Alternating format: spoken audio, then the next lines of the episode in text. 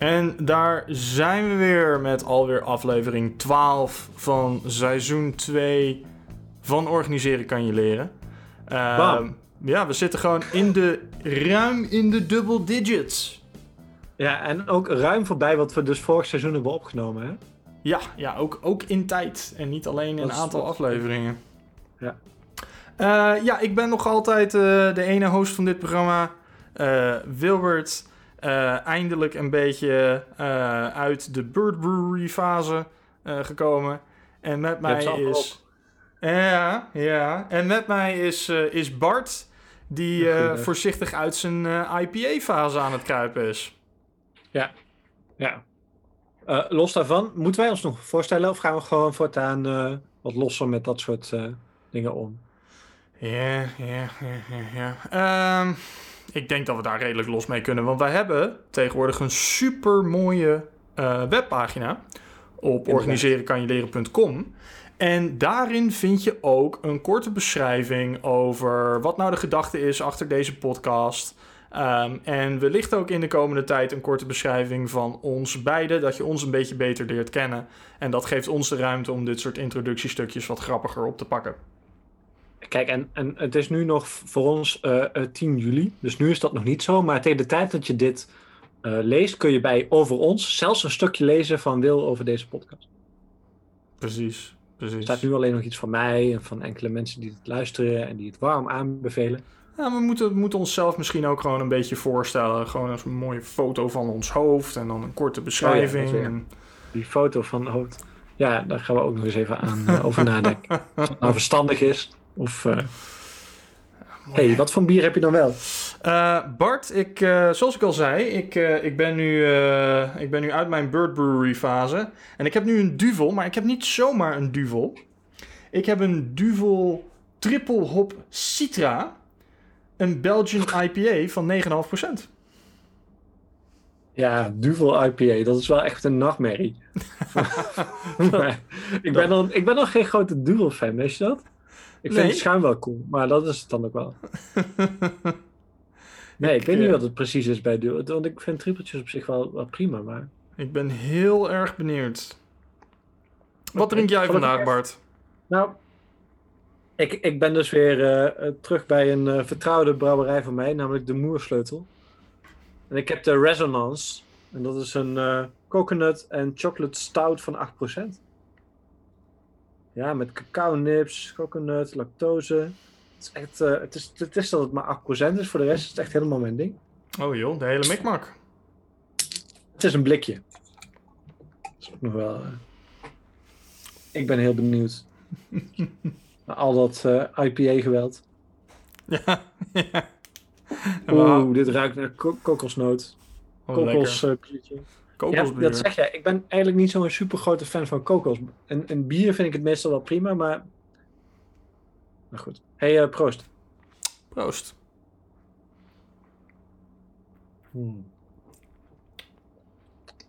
Ja. Oeh. Hey. Wat ik ook nog wilde zeggen, want ik had een paar dingen. En ik heb ze nu eh, ongeveer per aflevering één. Ik ben ook wel trots dat wij gewoon het aantal kattenplaatjes op LinkedIn echt gewoon. Ja. Daarvoor was het gewoon. kon je geen kat op LinkedIn vinden. en sinds kort. Sinds kort kom je toch met enige regelmaat een, eh, een goede poes tegen daar. En eh, wij zijn daar echt de enige in die dat doen. Volgens Klopt. mij is dat een gat in de markt, sowieso. Nou ja, het is, eh, het is lekker tegen draads. Het haalt, het haalt beeld naar binnen. En, en wederom, het vergroot het publiek van onze podcast. Want nu kan je hier komen als je links aan het politieke spectrum hangt, rechts aan het politieke spectrum hangt. Eh, in beide gevallen niet al te extreem natuurlijk. Of, eh, als je van management houdt, organisaties, Ze zijn prima welkom hier. politiek, bier, nog meer bier en nu ook katten. Ehm, ja, Ja. heb, eh, eh, ja, is dat echt zo? Kunnen ze. eh, want, want, want, want, want sommige, sommige hele, hele extreem linkse, dat begint toch wel weer een beetje eng te worden. Maar Wat, vind, wat vind jij nou een, een, een, een standpunt wat je heel extreem links vindt? Ehm, Nou, dat, dat, dat is misschien niet het punt waar ik op doel. Maar er zijn, ehm, er zijn het, soort, het soort organisaties dat zeggen extreem links te zijn. Wat gewoon een beetje, een beetje anti, anti-maatschappij begint te worden. En soms wat, wat trekjes begint te vertonen. Dat toch wel weer heel erg overeen lijkt te komen met wat je ook aan extreem rechts ziet. Is dat zo? Nou ja, de Bader-Meinhof groep in, uh, in Duitsland. Dat is Oké, okay. is even duidelijk welke. Oké, dan, dan, dan begrijp ik een beetje waar je ongeveer zit. Oké. Uh, maar dan misschien moeilijker. Uh, Nelson Mandela in de jaren 90, had dat kunnen? Dat is een, dat is een interessante. Hè? Want. Uh, um, hij, Communisten tijdens de Tweede Wereldoorlog in het verzet? Is dat. Ja, andere, andere, andere tijden natuurlijk. ja, nou, nee, maar je, relevant voor nu. Nou, maar je moet, je moet dat soort dingen uh, ook, ook zien in de context. En dat is wel. Dat is een hele interessante die ik, uh, die ik laatst ergens las van mensen die zeiden van joh, met al dat, uh, met al dat, al die heisa tegenwoordig over, over historische figuren hier in Nederland en wereldwijd, die los van dat ze sommige goede dingen gedaan hebben, zich soms ook een beetje misdragen hebben op het gebied van mensenrechten. Uh, een hoop van die mensen die daar nu een hele oproer over maken, die zie je soms ook in Che Guevara shirts rondlopen. En die man was ook niet bepaald uh, een, een lievertje met, uh, met niks dan goede dingen op zijn naam. Dus ja, weet je, hoe, hoe, hoe, hoe beoordeel je dat soort mensen los van, los van de context waarin ze leefden? los van dat je nu. Het is ook wel ingewikkeld, hè? Want zeg maar even het beeld dat je nou schetst is dat je het ene linkspersoon ziet dan misschien een Che uh, en de ander die, die protesteert tegen een standbeeld van iemand die slavenhouder is geweest of zo. Nou, ja, het kunnen ook voor verschillende mensen zijn. Maar nee, nee, nee. Als, los als, als, verschillende mensen zijn, absoluut. Maar als je iemand in een Che Guevara shirt ziet demonstreren tegen, uh, weet ik het, Trump of zo, of uh, niet Trump, maar Trump. Uh, of, of, een paar van die, of een paar van die andere types, Witte de Wit en zo. Um, ja, Weet je, uh, kies je context. Dat lijkt me altijd sowieso wel interessant. Maar goed, dit is ook weer een, een, niet de kant die we vandaag opgaan. Mm. Maar hoewel, wie, wie weet, komen we hier nog wel uit. Ik denk het niet. Um, waar ik het vandaag met jou over wilde hebben, mm is het volgende. Um, wij spraken enkele afleveringen terug over uh, met name eigenlijk aanbestedingen. Mm waarbij jij een, eh, een groot eh, pleitbezorger was eh, van, van meten of eigenlijk sturen op resultaat. Mhm. we bespraken daarbij ehm, de, hoe de NASA dat eigenlijk heeft aangepakt. De laatste tijd met Boeing en met SpaceX. En dat het toch wel erg goed gaat. denken wij. Mm. Um, kort daarna stuurde ik jou een, een, een, vrij lang bericht op WhatsApp. Uh, daar ga ik zo nog even iets over zeggen. Maar ik wilde daarvoor nog even een ander punt hier omheen benaderen. En dat heb ik jou volgens mij ook gestuurd. Namelijk dat uh, je hebt dus de, de staatssecretaris. Uh, is dat van Veldhoven of zo? als ik die naam nou weer verkeerd heb, dan, dan ben ik bang dat we, dat we mail krijgen over dat ik hier iemand totaal niet het podium geef wat ze eigenlijk wel, wel verdient. De D66-staatssecretaris die met uh, met openbaar vervoer bezig is. En die hmm. krijgt nou te maken met een aantal bedrijven die het er totaal niet mee eens zijn dat zij heeft besloten om het hoofdlijnnet van, van de NS niet aan te besteden, van de trein. Mm dat ze daar te veel risico's en te weinig kansen ziet. En wat ik jou daarbij stuur is van het idee dat aanbesteding of het, het, het, het mogen bieden van die dienst een recht is geworden tegenover dat het een middel is van de overheid om een afweging te maken hoe willen we dit nou op de beste manier organiseren. Dat is echt totaal scheef gegroeid als dit gaat lukken. Ja, denk ik. Ja. Uh, uh, ik ga het niet per se over hebben, maar dit wel, of tenzij jij daar nog iets over wil zeggen. Maar nou, ik vind dit wel echt het teken dus, ja. Wat, wat, wat, wat bij mij daarin een beetje naar, naar boven kwam, was... Um, dit, dit komt een beetje uit, uh, uit, uit het lean gedachtegoed. Um, het, het Kano-model. Uh, niet Kano de boot, maar is vernoemd naar, uh, naar een Japanner met de achternaam Kano. Um, en het, het, het Kano-model is eigenlijk een manier om, um, om bepaalde eigenschappen van een, van een, van een product of een dienst op te delen. Ik weet niet of jij het al een keer gezien hebt. Maar ik zal, het even, ik zal het even kort schetsen voor de, uh, voor de, voor de luisteraars. Het bestaat eigenlijk uit, uit twee assen. Uh, waar uh, de horizontale as is, gaat eigenlijk over, over kwaliteit. Van, van, van joh, werkt, werkt eigenlijk helemaal niet of heel brak tot, tot werkt fantastisch en totaal foutloos. En uh, de verticale as, die, daar, die daar dus kruislinks op staat, uh, die gaat eigenlijk van joh, ehm, vervult de behoefte totaal niet tot vervult de behoefte totaal. Nou, wat je daarin eigenlijk ziet zijn, zijn een drietal gebieden. Um, waarin allereerst in, in de as van joh, vervult de behoefte eigenlijk niet, maar werkt wel heel goed dat, dat, dat gebied eigenlijk, dat is waar je um, basisvoorwaarden ziet. Dat zijn de dingen die, die moeten gewoon aanwezig zijn, maar je gaat er geen klanten mee winnen. Het is alleen, je gaat er klanten mee verliezen als ze er niet zijn. dus stel bijvoorbeeld een, uh, voor, een, voor een auto, dat is gewoon, hij moet kunnen rijden, moet kunnen remmen, uh, hij moet, uh, moet waterdicht zijn, er moeten stoelen in zitten. van dat soort basisdingen, van, van joh, hè, als, als iemand je gaat vertellen van ja, waarom zou je deze auto moeten komen, kopen? Nou, hij rijdt en hij remt. Ja, maar op het moment dat ze er niet zijn, ben je die klant ook gelijk klaar, uh, kwijt. Um, dan heb je een categorie van dingen en die noemen we de performers. Hè, die, die, nou, die, die kunnen een soort van werken, maar, uh, maar wat ze vooral moeten doen is, uh, is, is behoeftes vervullen. En dat zijn die dingen die klanten verwachten te zien. Dus uh, dat, is, uh, dat is jij die naar een autohandelaar gaat en zegt van ja, er moet wel navigatie in zitten. Uh, en er moet, een, uh, er moet een achteruitrijcamera in zitten. En nou goed, dat soort dingen. Dat zijn de speciale features waar je naar vraagt. En dan heb je nog een gebied van dingen die heten de wow factors. Die hoeven niet te werken. Of die hoeven niet eens heel goed te werken.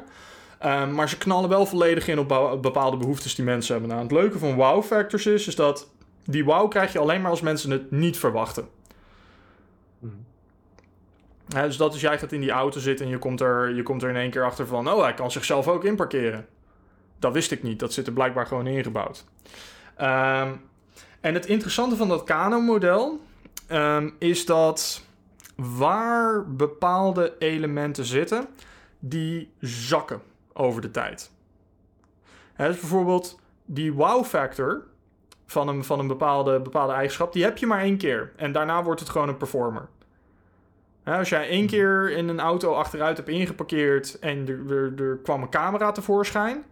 Uh, toen dacht je nog van, hé, hey, wauw, dat is fantastisch. Daarna wordt het gewoon een harde ijs voor je nieuwe auto. Um, en sterker nog, op een bepaald moment wordt zoiets zo gemeen goed dat het afzakt tot, tot iets elementairs. En dan verwachten mensen gewoon dat het er is. En gaan ze vooral zeuren op het moment dat het er niet is.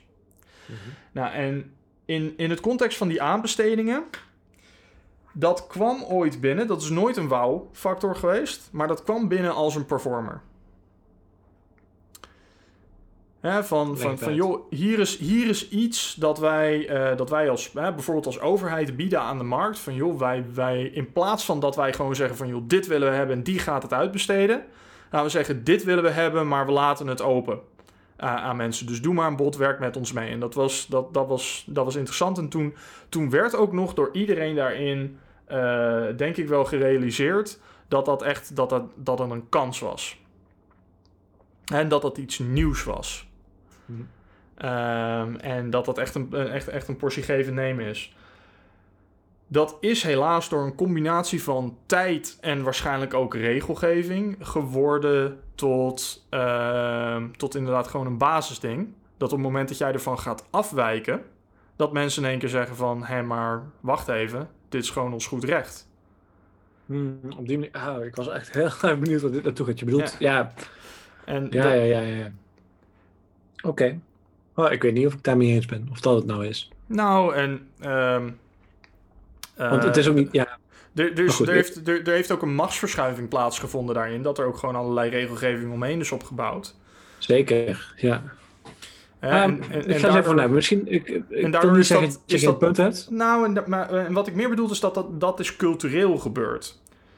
Hè, van, nog belangrijker dan de regelgeving is dat gewoon, dat gewoon in de mindset van heel veel mensen is dat gewoon een keihard recht geworden. Dat de overheid altijd gaat aanbesteden voor dat soort dingen. Ja. Ja. Ja. Ga ik eens over nadenken. Ik denk dat, dat, je, dat je daar een punt hebt. Ik, um, ik heb alleen nog nooit zo tegenaan gekeken. Um, maar het is wel ongeveer wat ik, wat ik bedoel. Het is, ik vind het in ieder geval opvallend dat dat zo, zo hard is geworden. Um, ik begrijp het ergens ook wel, hè. Want, want dat is ook heel erg lang het doel geweest. Hè? Je, je moet dat overal kunnen, kunnen winnen, min of meer.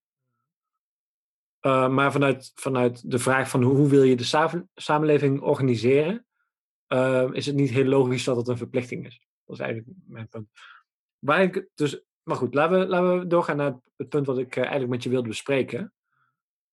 Um, namelijk dat, dat, dat meten op resultaat. En resultaat is daarbij een, een, een, een lastige, omdat je, je moet wel heel precies weten wat resultaat is. Dus ik stuurde je twee, twee voorbeelden waarbij uh, zeg maar uh, activiteit en resultaat nogal door de war worden gehaald. Ik zal ze even voorlezen. Um, het eerste voorbeeld. In Nijmegen werden huishoudelijke, werd huishoudelijke verzorging aanbesteed op wat dan werd genoemd een schoon huis. Het gevolg daarvan was dat thuiszorgorganisaties die dikke winst wilden maken, hun medewerkers natuurlijk wel gingen afrekenen op de tijd die ze ergens besteden. En dan vooral geen onnodige dingen mochten doen. Oftewel, in de aanbestedingsketen was het het idee van, joh, we geven mensen de vrijheid om te doen wat nodig is. En in de praktijk, een commerciële organisatie maakt juist misbruik van die ruimte. Uh, om, uh, om daar de, de, de, de, randjes vanaf te lopen en daardoor minder te hoeven te nou, betalen nou, in de uitvoering. Ik, ik, weet niet, ik weet niet of dat misbruik is. Ik denk dat het, dat het, dat het gewoon hyper-efficiëntie is op het, op het soort resultaat dat gevraagd wordt. Maar goed, dat, daar, daar, daar komen, komen we verder op. Maar... Ja, maar ik, ik denk dat we het daar niet eens oneens zijn. De vraag, dus, maar de, de vraag wordt op een gegeven moment dan, wat, hoe kun je het dan wel vormgeven? Een andere voorbeeld wat ik je stuurde hè, was... Uh, um, uh, de aanbestedings- of de, de distributiecentra uh, van de Albert Heijn. Zoals Investico het had, had omschreven in de Groene Amsterdammer. Waar het resultaat van een, een, medewerker, hoeveel orders kun je in een uurtje pikken, in de praktijk vooral is wie is het vroegst op zijn werk om de snelste kaart te pakken. Dat is een heel mooi voorbeeld van, van je, je, je probeert resultaat, maar in dit geval heel hard. Uh, uh, te meten, maar in de praktijk ga je iets anders meten. En dat is eigenlijk. En volgens mij is het 99 van de 100 gevallen waar je probeert op zoiets als dat te sturen zonder te kijken wat er verder echt gebeurt, um, gaat het fout. En het probleem met wetgeving en met aanbestedingsprocedures is vaak dat je het gewoon, je hebt gewoon niet door wat je doet. Je, je denkt dat je het goed aanpakt en de praktijk blijkt gewoon net anders te zijn. En voor je het weet meet je iets wat echt totaal niet het doel bereikt wat je bereikt. Bart, je, je voorbeelden zijn fantastisch. Uh, en, en, en, dat meen ik oprecht, want ze hebben, ze hebben iets heel erg gemeens. En, en wat ze gemeen hebben, verklaart ook waarom ze zo ontzettend niet werken. Mm en in, interessant om als we het, als het over, over resultaat hebben, um, om, om daar gelijk even te kijken naar, um, naar het soort metrieken dat je kan gebruiken of dat nou aantal schone huizen is of het aantal orders dat je kan pikken in een uur. Um, en een manier om dat op te delen. Uh, dus één manier om, om metrieken op te delen is iets genaamd het, uh, het logic model, het logisch model. En dat onderkent eigenlijk vijf verschillende vormen van metrieken.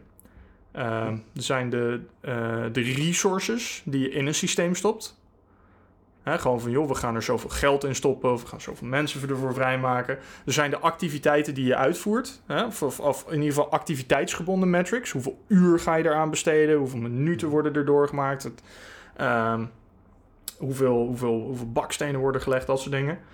Dan heb je metrieken van het type output. En dat is eigenlijk gewoon heel simpel gezegd de hoeveelheid spul die je oplevert. Hè? Uh, het aantal schone huizen, het aantal orders dat gepikt worden in een uur, het aantal features dat opgeleverd wordt per maand, uh, um, al dat soort dingen. Daarna kom je uit bij outcomes. dat zijn eigenlijk de, de resultaten die behaald worden aan de hand van wat er opgeleverd is. Dus dingen als uh, hoeveel mensen kopen ons product, Hoe tevreden is de klant? Hoe tevreden zijn de medewerkers? Ehm, hoe stabiel is het systeem in productie? Ehm, en je hebt de impact. Een impact is eigenlijk een, een, een tweede order effect. Hè, dus uh, van, van joh, de, de, de klanten zijn, zijn, zijn gelukkiger. En dat betekent dat ze minder vaak ziek zijn. Uh, en dat ze productiever zijn op werk. Uh, of uh, in het geval van uh, Impossible Foods, een hele, hele leuke daarvan. Die zeggen, die zeggen eigenlijk van joh, de impact die wij willen hebben is dat de vleesindustrie erop achteruit gaat. Dus wij willen graag dat ons product verkocht wordt, hè, dat mensen ons product kopen, outcome. Um, maar we hebben nog liever dat, ze, dat wat zij kopen, dat zij dat doen in plaats van een vleesproduct. En dat is dus een impact op de rest van hun markt. Um, en wat je eigenlijk ziet in beide voorbeelden die jij noemt, hè, het, het, het, het maken van een, uh, van een schoon huis of het aantal orders dat je in een uur kan pikken, dat is output, spul dat je levert. Um, en het probleem dat je eigenlijk tegenkomt in heel veel simpele industrieën, um, of nou, uh, voordat we daarin gaan, de eerste drie, resources die je besteedt, activiteiten die je uitvoert en output, spul dat je levert, is heel makkelijk te meten. Is heel makkelijk zichtbaar te maken, want het is allemaal intern in het proces. Mm-hmm. Outcome kan je eigenlijk pas meten nadat er geleverd is. Ja. En ligt ook eigenlijk buiten de leverorganisatie. Um, en is daarmee gewoon een stuk moeilijker inzichtelijk te maken. Alleen, um, wat veelal gebeurt in een hele simpele context, is er een kausaal verband tussen output en outcome. Mm-hmm. En daardoor, als jij daarin output meet, kan jij redelijkerwijs ervan uitgaan dat dat een voorspellende waarde heeft voor outcome. Dit is leading en lagging metrics vaak. Um, en daarom zie je dat, dat, dat vanuit die, um, die industrieën en dat, en dat managementparadigma. Um, is het heel logisch om op output te sturen, omdat, dat, omdat het je wat gaat vertellen over outcome. Um, wanneer je meer gaat kijken naar complex werk. En, en complex werk kenmerkt zich doordat jij in een omgeving zit waar er ten alle tijden meer is dat je niet weet dan dat je wel weet. En datgene wat je wel weet op een moment, dat hoeft niet te blijven gelden uh, over tijd. Hè, omdat de markt verandert, omdat klantwensen veranderen, omdat de omgeving verandert, omdat de technologie verandert, omdat het proces verandert. Hè, dus je, je, zit, je zit in alle tijden, is er meer dat je niet weet dan dat je wel weet. En wat je daar tegelijkertijd ook ziet, is dat dat causale verband tussen output en outcome, dat, dat houdt ermee op. Er is zeker wel een correlatie. Je moet bepaalde dingen leveren om bepaalde effecten te bereiken bij je, bij je klanten in de markt. Alleen wat het effect gaat zijn van iets dat je levert, dat weet je van tevoren niet. Dat kan je achteraf proberen te achterhalen, maar er zit geen voorspellende waarde in. Dus leading en lagging metrics bestaan daar ook gewoon niet meer. dus de enige ja. manier om daar een stukje controle te, te, te bereiken is frequenter te gaan leveren, zodat je direct kan gaan sturen op outcome in plaats van output. Um, wat je hier dus eigenlijk zag. Um, in, in, in, uh, in, in het geval van Nijmegen en, en de distributie van de Albert Heijn, is er werd daar gestuurd op output. Nou, een output is intern aan het systeem. En wat ga je dus vervolgens zien? Dat het systeem zich gaat optimaliseren op dat resultaat. Om de output zo hoog mogelijk te krijgen. Nou, wat jij daarin wat jij daarin terecht opmerkte, is dat de verwachte outcome van, uh, van die structuur, um, die zag je niet verschijnen in het geval van Nijmegen. En dat klopt ook, omdat er eigenlijk helemaal niet gestuurd werd op die outcome. Er was een impliciete verwachting dat de output, schone huizen, zou leiden tot de gewenste outcome. Alleen omdat er gewoon geoptimaliseerd werd voor schone huizen, ging dat ten koste van de outcome die je daadwerkelijk probeerde te bereiken. Alleen daar stuurde je niet op. Ja, maar mijn punt is dus hierbij, is dat überhaupt wel mogelijk? Um, Tuurlijk. Kun je, kun je zo'n zo'n aanbesteding, kun je die nou vormgeven op een manier? Ik denk namelijk van niet. Ehm, met name als, als de, de groep die daartussen zit. Bart, wij het, eigenlijk, nee, laat me een punt even maken. wij hebben het laatst nog over SpaceX gehad, Bart. En dat is precies een voorbeeld waarop er echt op een outcome gestuurd werd. Er moet een Ja, maar wel satelliet een in omloop die wel komen. makkelijk, maar wel eentje die makkelijk te zien is. En dat, daar bedoel ik het volgende mee. Als je, ik, bedoel, ik, ben een SPR. Je gaat nog eens een keertje van huis naar huis. En dan, dan kom ik nog wel eens bij, bij, bij bejaarden terecht. Eh, en dan vraag ik gewoon van, joh, hoe, heb je huishoudelijke verzorging? Hoe gaat dat eigenlijk? Eh, dan krijg je vaak eh, de ene naar de andere klappen, want die organisaties die wisselen ook vaak en, of, of krijgen een andere naam of zo. Mensen weten het echt niet. Als in, eh, ze noemen gewoon een nieuwe organisatie nog bij de oude naam, laat staan dat ze doorhebben eh hoeveel uur ze recht hebben of wat dan ook. Dat, dat Mhm. dus je, je- toch is het ergens, hè, vragen we deze mensen of ze tevreden zijn of wat er in de hand is. Ehm, zelfs dan is de vraag, krijg je nou eigenlijk wel het antwoord wat, wat er nou echt, eh, echt gebeurt. Ehm, dus je, je hebt te maken met, met een, een, een situatie waarin je vrij kwetsbare mensen vraagt om wat precies die resultaten nou zijn. Ehm, terwijl, terwijl je organisaties hebt die voor een deel echt heel idealistisch werken. En ik noem buurtzorg maar weer. Ik bedoel, die zijn echt niet op zoek naar het meeste, meeste winst. Eh, en die mensen die daar werken doen met, met, met, met, met, met echt hun, hun cliënten in hun, in hun hart. Ehm, maar je hebt ook gewoon organisaties daar zitten die gewoon proberen om elke euro eruit te draaien. Mhm. En het is ontzettend moeilijk om dat vast te stellen als je aanbesteedt. Ehm, hoeveel winst je daaruit mag trekken. Dus de, de vraag is op een gegeven moment van als je, als je bedenkt van we willen organisaties het laten uitvoeren en wij staan daarbij toe dat zij winst maken in plaats van dat je zegt van je krijgt dit budget, doe er zoveel goed mogelijk mee voor die groep.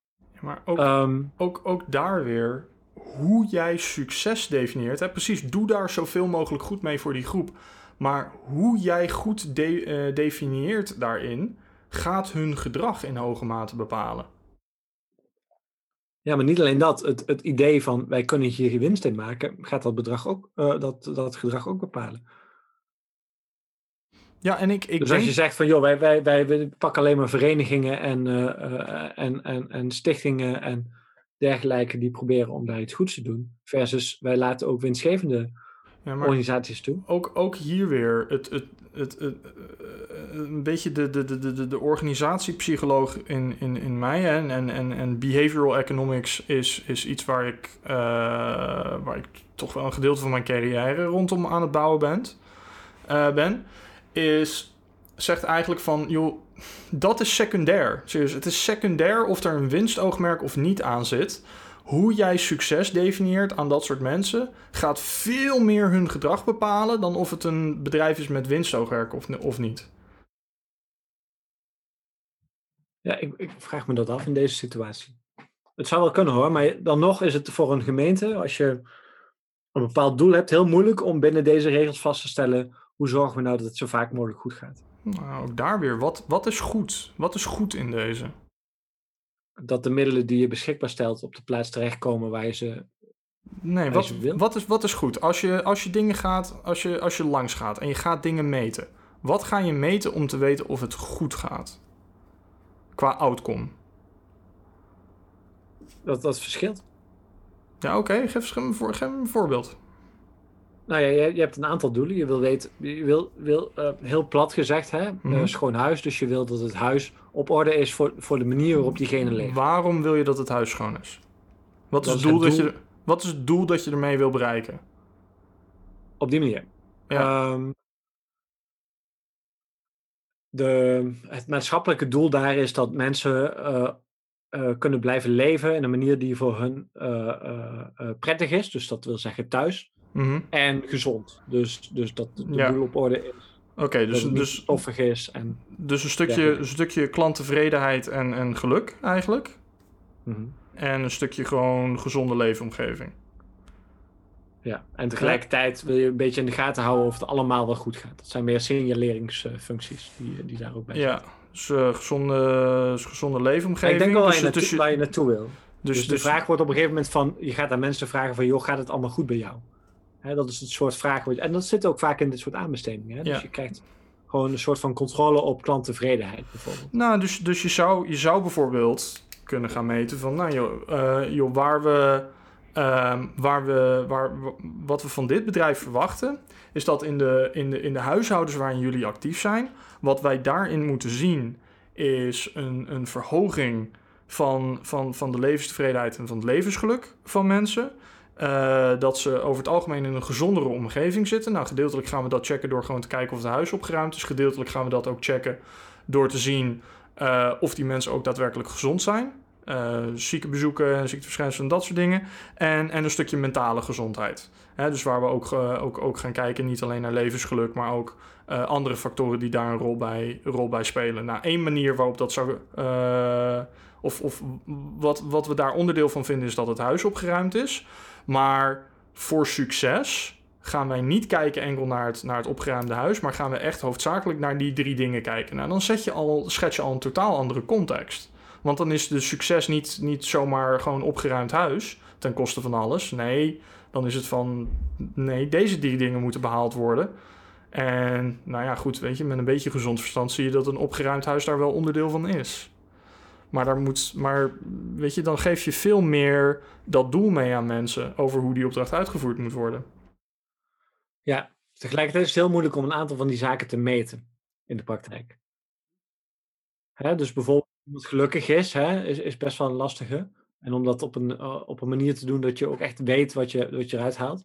Bijvoorbeeld iets wat je bij, bij huishoudelijke verzorging uh, snel krijgt, is dat men het huis gaat inrichten op een manier die makkelijk is schoon te maken. Dus gewoon minder kastjes en minder, leuke dingen in je huis. Um, nee, ben ik, ben, ben volledig met je eens. Hè? Uh, outcome-gericht werken komt met, uh, komt met een stuk meer, meer haak en ogen. En daardoor zie je het soort organisaties dat hier echt mee aan de gang gaat. Die nemen hele batterijen aan UX-researchers en psychologen en, en sociologen in dienst. Um, juist om te zorgen um, dat dit soort informatie op, op, op niet gemanipuleerde wijze verkregen wordt. Ja, en dat is gewoon, gewoon super, bijna, ja, gewoon totaal niet aan de gang hier natuurlijk. Dat gaat nee. nooit gebeuren. Nou, nee. ik weet niet of dat, nou, ik weet niet of het nooit gaat gebeuren. Ik zeg dat, ik zeg dat als, jij, als jij op een succesvolle manier om wil gaan met dit soort dingen, en je wil daadwerkelijk een stukje controle krijgen of de doelen die, die behaald worden, die wil dat ze behaald worden, dan zal je dat moeten gaan doen. Ja, misschien. Ik, ik, ik, denk dat je ook kan denken van wat zijn nou de manieren waarop je zorgt dat dit zo, zo min mogelijk fout gaat. En dan is bijvoorbeeld het zorgen dat er weinig organisaties tussen zitten die, voor wiens doel het uiteindelijk is om zoveel mogelijk winst te maken. Uh, een, een wat makkelijkere manier is om dat eindresultaat te bereiken. Waarom denk je dat? Omdat het anders te duur wordt om het allemaal te controleren. Uh, ja, maar waarom denk jij dat een, dat een organisatie zonder winstoogmerk dat beter gaat doen dan een organisatie met winstoogmerk? Nee, ik denk niet dat het per se zo is. Ik denk dat de kans groter is. Waarom denk je dat? Omdat die tweede organisatie probeert om daar geld uit te krijgen. Oké, okay, maar die eerste organisatie gaat proberen om binnen de kosten te blijven. Waar dat nodig is, ja. Ja, maar die is, die is net zo. Of sterker nog, die is vaak. En, en dat is in mijn ervaring, want ik ben bij beide van dat soort organisaties langs geweest. En, en ik kan jou vertellen dat organisaties die uh, gefund worden uh, die dus gewoon een bedrag per jaar krijgen waarmee ze het moeten, uh, moeten redden, maar daarin geen, geen winstoogmerk hebben. Um, die worden. Daar, daar gaat een kostenpostmentaliteit heersen. Waarin ja. heel weinig extra werk en, en, uh, en, en, en innovatie neergelegd wordt. Nee, het is het oude ziekenhuismodel. Hè? Dus ziekenhuizen kregen een hoop geld. Ja, eigenlijk elke organisatie die gewoon gebaseerd is op een budget. Hè? Ja. Uh, krijgt een, uh, een budget geld om een taak uit te voeren. Nou, dat, dat budget moet opgemaakt worden, dus gebeurt dat. Ja, dat ja, is, ik ben het er helemaal mee eens. Ja, dat is echt wel een, een gevaar, en, uh, en, gevaar wat ontstaat. Alleen het is wel een, een, een vrij makkelijk te, uh, te counteren gevaar. Dat zou je. Dat zou ik, en, ik, en ik zeg absoluut niet dat een winstoogmerk beter is in deze, want dat, dat komt ook weer met bepaalde gedragen. Ja, maar, wil, maar mijn, mijn maar hierbij mijn, is... Mijn, mijn punt is, de differentiërende factor in deze gaat echt niet zijn of het een, of een, een organisatie met winstoogmerk of niet is. De differentiërende factor gaat zijn, hoe definieer jij succes voor deze organisaties? Want dat gaat het gedrag van die organisaties veel meer bepalen. En dat is... Ja, ja, maar ja. Ik denk dus dat het in dit geval makkelijker is in een organisatie die geen winstoogmerk heeft. En dat is eigenlijk mijn, mijn, mijn punt uiteindelijk hierbij. Uh, los van dat ik wel echt ik, ik heb vaak het idee, maar, maar misschien denk jij er anders over. Misschien is dat ook wel meer een onderwerp om eens even apart in te duiken. Ik heb het idee dat dit risico van, laten we zeggen, de budgetorganisatie, budgetorganisatie, van je krijgt een pak geld om iets uit te voeren en we kijken vervolgens niet of, uh, uh, of dat nou wel een beetje doelmatig is besteed.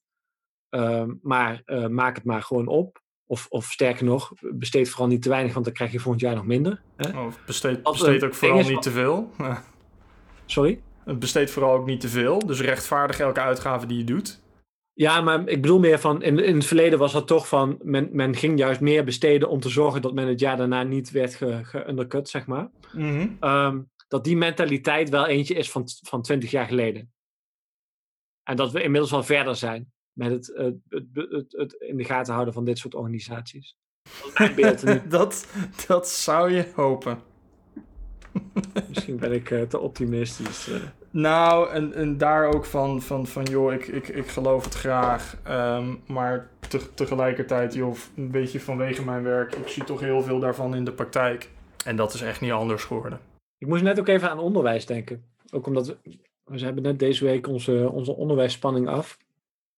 Over de vermarkting van het onderwijs. Dat zal jou ook. Uh... ja. Ja, en daar, en daar, daar, moeten we misschien een, uh, daar wat, moeten we misschien een nou... volgende, ja, volgende aflevering aan besteden. Want uh, we zijn toch wel lang doorgegaan met deze. Ja, ik was er al bang voor. Ja. Hoe was je biertje? Um, ik, ga, ik ga eerlijk kennen. Ik vind deze een stuk lekkerder dan de standaard duvel. Oké. Okay. Sterker nog, ik, als je deze nog niet op hebt, ik ga hem gewoon een keertje aan je aanbieden. het is wel een IPA en een duvel. Dus dat is twee keer niks. Oké. Ja, well, ik heb net natuurlijk twee IPA's op. Uh. Ik, uh, over die uh, resonance van de moersleutel. Um, ja, kijk, als je van kokosbier houdt, dan is het echt wel goed. Ik vind het wel oké. Okay. Um, ik ga hem niet nog een keer halen. Oké. Okay. Dat is een beetje hoe ik, hoe ik erover denk. Ja. Je stemt weer met je portemonnee. Dus, Nou, ik, ik ben blij dat die twee IPA's uh, uh, toch best wel oké okay, te doen waren. Anders dan was dit wel een teleurstelling geweest. Maar... nou, en met die wijze woorden sluiten we weer af voor vanavond. Dat ja? dit onderwerp wat we vandaag hebben besproken, dat we er nog niet uit zijn. Hier oh, komen we nog echt wel een keer op terug. Nou ja, want ik zeg, ik geef, uh, ik geef dagenlange workshops over dit, uh, over dit onderwerp voor organisaties. Ja. Uh, winstgevend of niet. en dit blijft een heikel punt. ja. Dit blijft echt, dit, dit blijft gewoon heel moeilijk. Het, en het, het is ook gewoon in de praktijk heel moeilijk om te weten waarop je moet sturen als organisatie. En wat het effect daarvan gaat zijn op het gedrag van mensen. Ja, ehm, misschien voor, een, voor, voor zeg maar al een beetje vooruitblik over waar we het ooit een keer over hebben. Uh, de vraag van wat daar nou een beetje kostenefficiënt is. Uh, dus vanaf, zeg maar, hoeveel uh, heeft sturen zin versus wat het vervolgens oplevert. dat is namelijk iets wat, in de praktijk wel vaak ook meespeelt. Nee, Bart, dat was weer mooi. Yes.